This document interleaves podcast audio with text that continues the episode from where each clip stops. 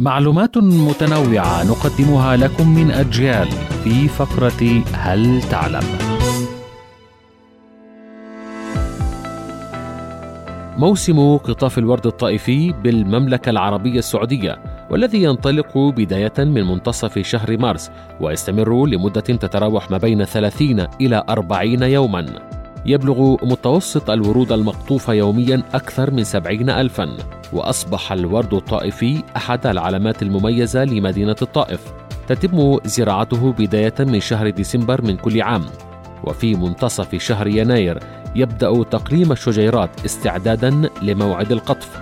توجد في المدينة ونواحيها أكثر من ألفي مزرعة للورود وتنتج كل شجرة معدلة 250 وردة. لكن المميز في هذه المعلومة وهذه الفقرة أن ماء هذا الورد يستعمل في غسل الكعبة وجدرانها مرتين كل عام. كانت هذه فقرة هل تعلم من أجيال؟ قرأها محمد إبراهيم.